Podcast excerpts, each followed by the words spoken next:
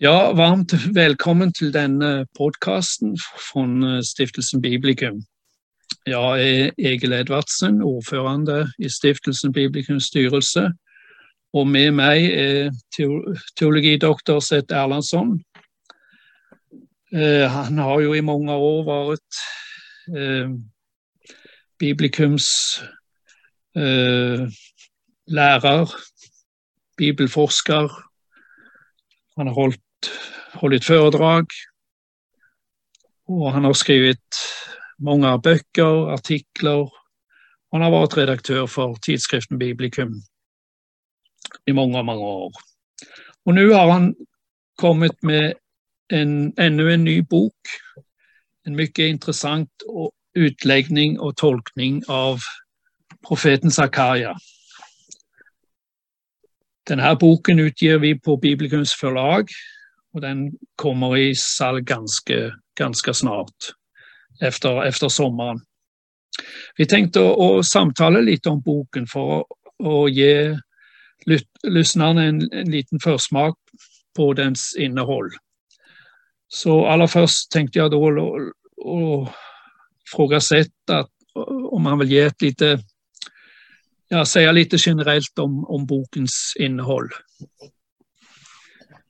Ja, det har varit spännande att, att ta sig an profeten Sakarja och hans bok.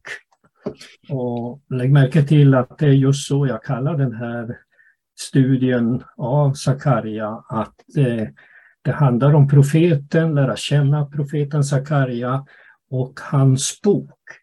Det är ofta så när bibelkritiker studerar profetböcker att de glömmer bort att det, det, är en bok. Den är komponerad och, och skriven av en, en viss person i en alldeles speciell situation. Och därför är det viktigt att lära känna profeten i den situation han eh, befinner sig i. Eh, när det gäller Sakarja så är det inte den lättaste boken att ta sig an, tror jag. Och det finns väldigt många missförstånd om den. Och, och det, i, i, vanlig ordning så tycker många av de kritiska forskarna att eh, sammanhanget är inte klart och man sönderdelar boken och förklarar det man tycker oklarheter med att det är flera författare som har stått bakom vid olika tidpunkter. Enligt min mening så eh, är, är det profeten Sakarja som står bakom boken och det är hans bok. Och han, han verkar en, en mycket kort tid. Han eh, får sin första uppenbarelse från Gud och får uppdraget eh, och uppgiften, en speciell uppgift, nämligen 520 före Kristus i eh, november, december. Och den sista uppenbarelsen som han redogör för, den kommer i december 518, så han verkar bara i drygt två år. Och varför verkar han då inte längre? Ja, han blev eh, dödad av den opposition som han mötte och den opposition som hade förhindrat eh, uppbyggandet av templet. Templet hade ju bränts ner och förstörts av babylonierna 587. Och nu hade Gud genom, eh, i enlighet med sin, sina löften låtit en rest av folket komma tillbaka för, eh, med uppdraget att bygga upp templet igen. Och varför var det så viktigt? Jo, templet var, var ett vittnesbörd om att utan det ställföreträdande offret så finns inte möjligheten till gemenskap med Gud. Synden står i vägen och synden måste ställföreträdande eh, försonas och, och lagens ställföreträdande uppfyllas. Och, och det vittnade de ställföreträdande offren om som pekade fram då eh, eh mot Messias eh, ankomst. Så enligt min mening är det väldigt viktigt att lägga märke till eh, bakgrunden för att förstå en, en profetbok. Och situationen är den att i enlighet med, med Guds löfte så vänder då en grupp, en stor grupp judar tillbaka till Jerusalem och Juda. Och det sker under ledning av Davidsättlingen Surbabel och översteprästen Josua, eller som det står på hebreiska Jehoshua och Esra använder det alternativa namnet Jeshua. Och det är väldigt viktigt med de här båda personerna. De behöver uppmuntras i sitt arbete när de nu kommer tillbaka 537. Och då, då kommer de till en stad som ligger i ruiner och det är först året efter 536 som de kan börja med tempelbygget. Men det avstannar ganska snart beroende på mycket motstånd och hån och förakt från eh, grupper som finns i, i där och, och eh, också bland en del av judarna som kom tillbaka. Och det gör att många av de här återvandrare tappar modet. Så uppgiften till Sakarja och också hans, eh, den andra profeten som verkar samtidigt, nämligen Haggai, det är att uppmuntra Serubabel och Joshua att, att verkligen se till att, att eh, templet blir uppbyggt. Och så kommer man igång då igen 520 och hela Sakarias bok handlar om att styrka och uppmuntra folket att, att fortsätta med bygget.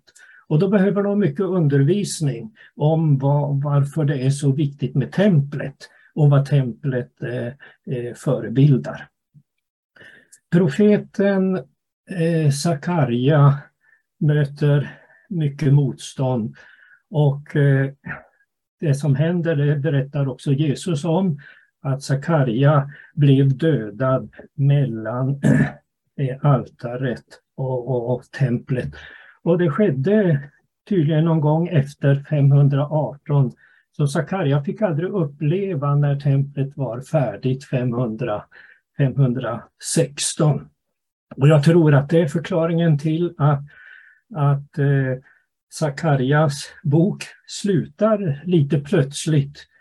Eh, och det beror på att, att profeten fick inte tillfälle att fullborda hela, hela sitt uppdrag.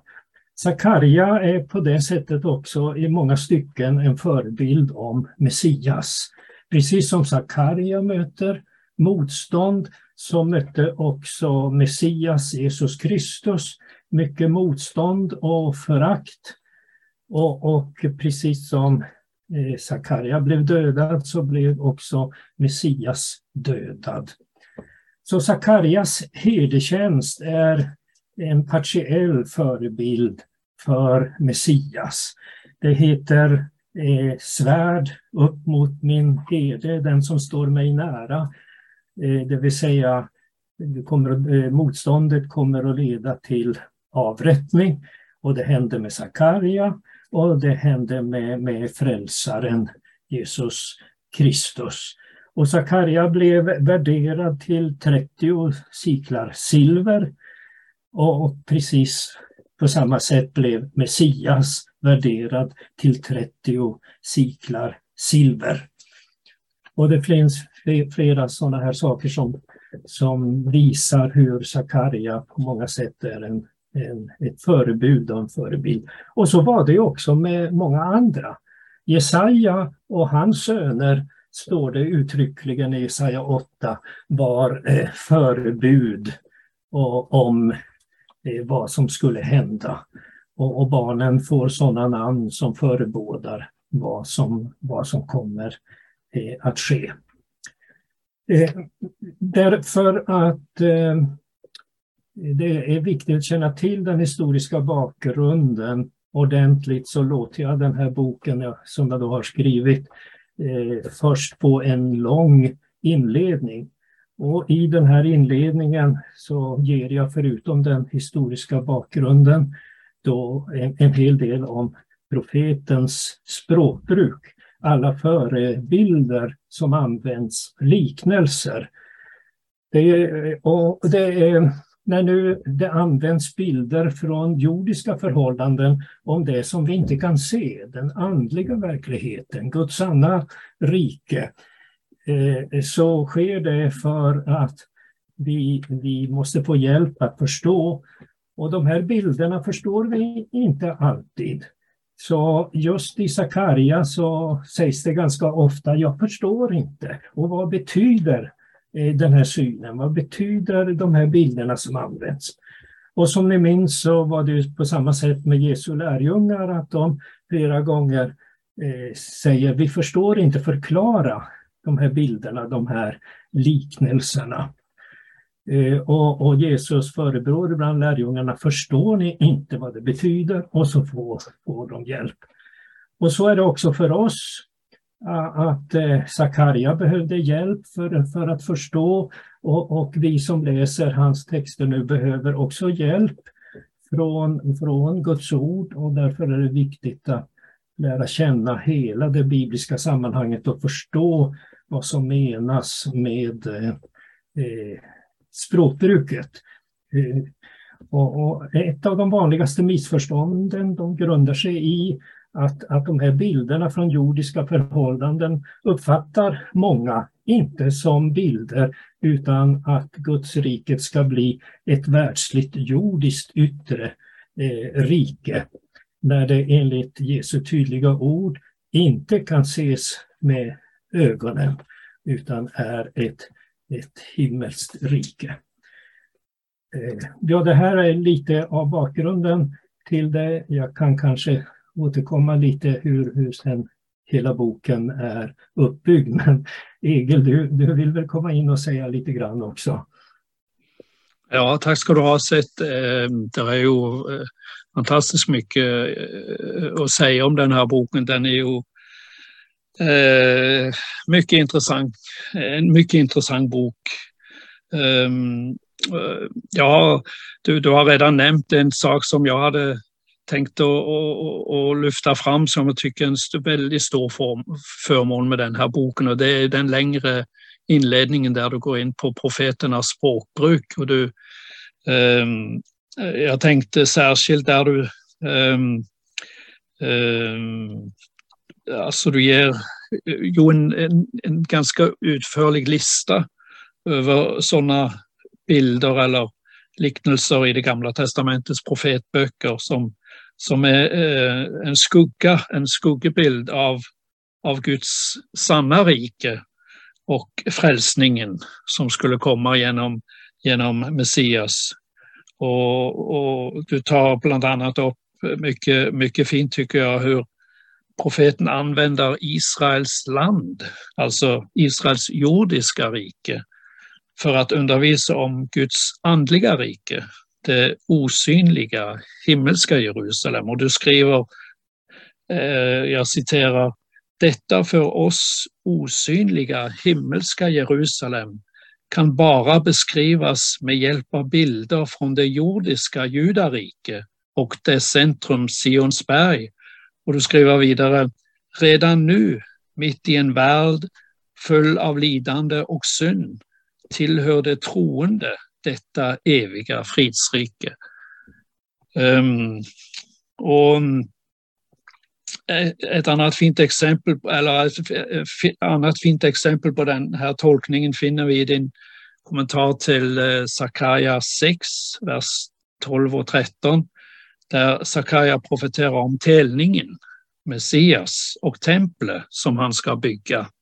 Och där skriver du, det sanna templet är ett andligt hus, först och främst Messias själv och sedan hans sanna lärjungar från alla folk som levande stenar i detta tempel. Och så har du en hänvisning till första Petri brev 2, 2 vers 5. Eh, och något, annat som jag, som jag har lust att nämna och som jag tycker gör boken så uppbygglig och så stärkande, det är ju hur du hela tiden framhäver evangeliet hos profeten Sakarja.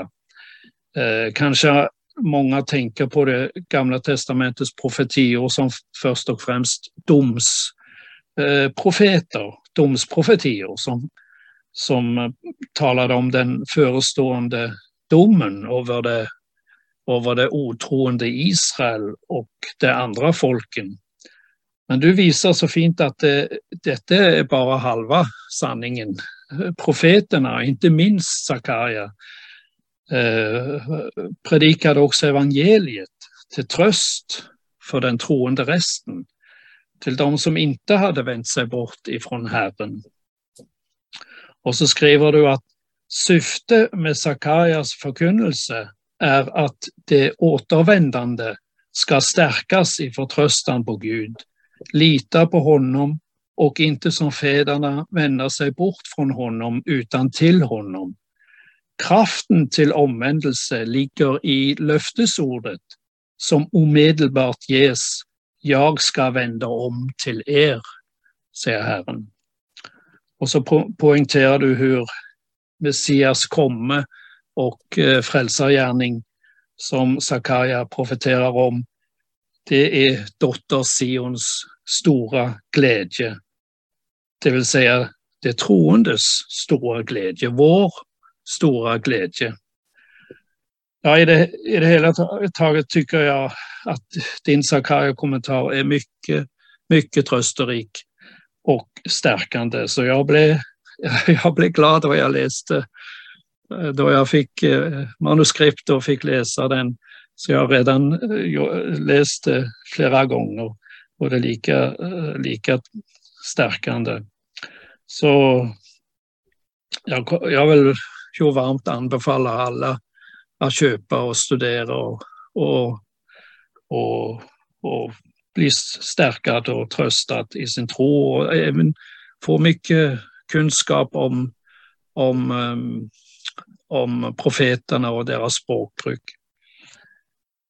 Ja, så det, det var det jag ville, ville säga. Kanske du har något mer du vill tillägga?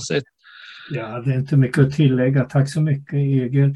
Eh, jag kan ju nämna då att efter den här eh, ganska långa inledningen så, så krävs det ju en, en detaljerad textgenomgång av eh, alla de 14 kapitlen.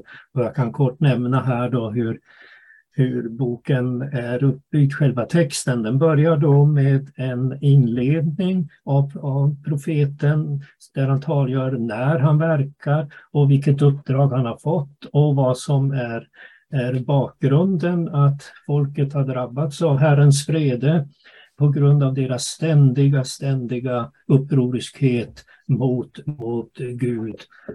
Och hur ändå Gud är nådig och enligt sitt löfte låter en rest vända till, tillbaka.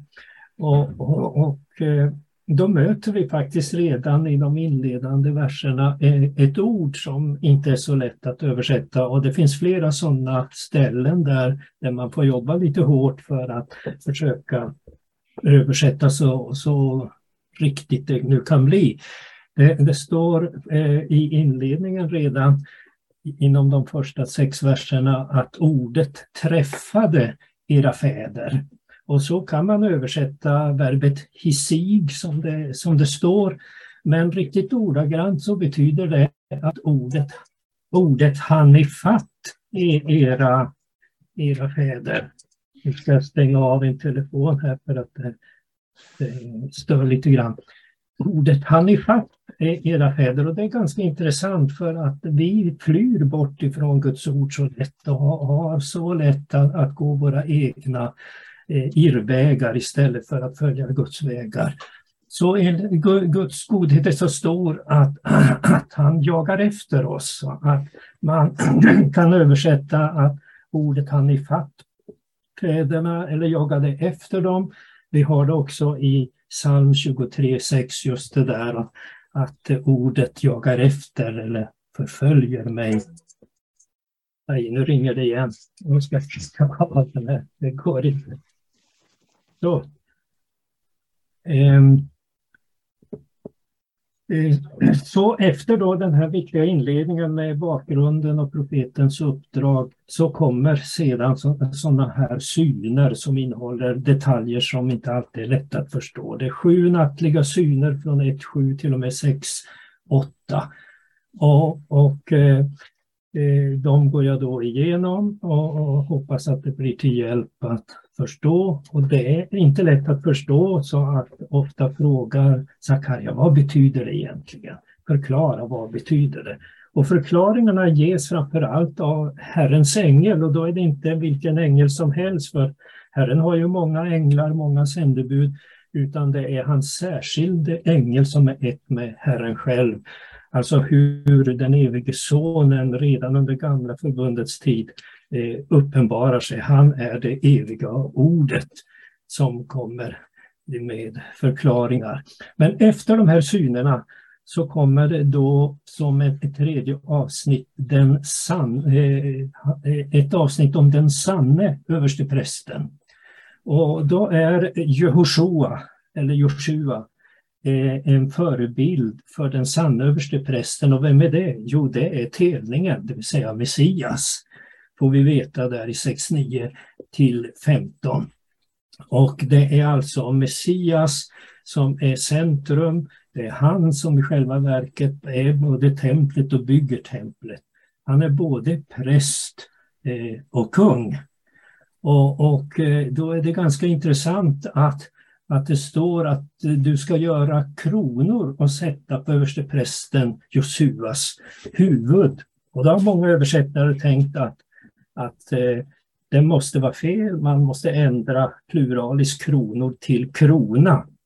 Men eh, det är inte alls fel utan det ska vara kronor för att han är både överstepräst och kung i en person. Så han har båda kronorna, den sanne, den sanne Messias. Han är precis som Melkisedek både överstepräst och, och kung. Så det är ett väldigt viktigt, eh, viktigt avsnitt.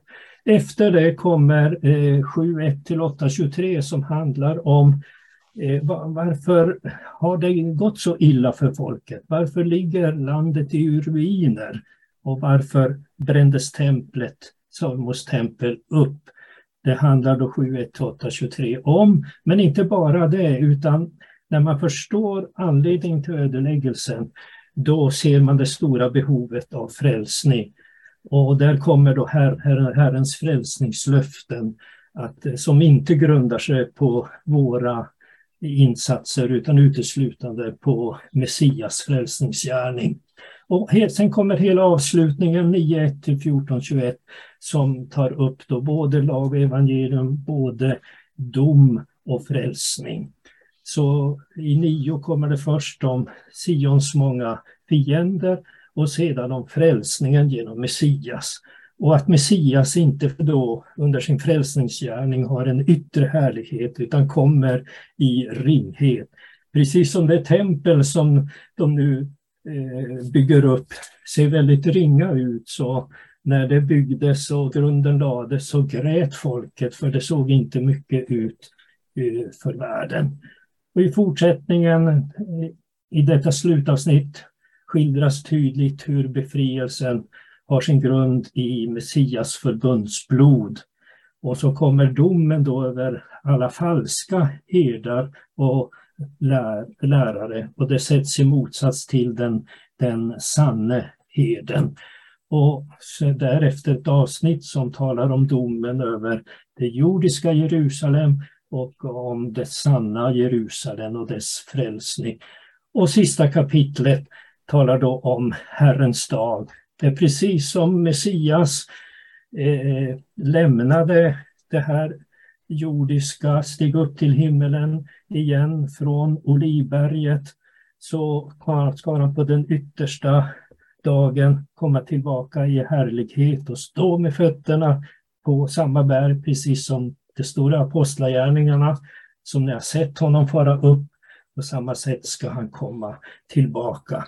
Och då kommer han till slutlig dom, men också till slutlig befrielse. Så det här är lite grann av textinnehållet och, och eh, det för för långt om jag går in på flera detaljer i, i det här sammanhanget. Ja, nej, det är eh, som sagt en eh, väldigt intressant bok och jag, nu har vi också fått en lite överblick över innehållet. Och, så jag kan som sagt varmt anbefalla alla att köpa den och läsa och studera den. Och den kan ni beställa då ifrån Biblikums förlag. Om ni går in på webbadressen vår biblikum.nu så vill ni, när boken föreligger snart, så vill den komma, komma med en, äh, att det är möjligt att beställa den ifrån från vår hemsida där. Så med det så avslutar vi det här podcasten om profeten Sakarja och hans bok. Hoppas den blir till välsignelse för många, många läsare. Tack ska ni ha. Ja, tack ska ni ha allihopa.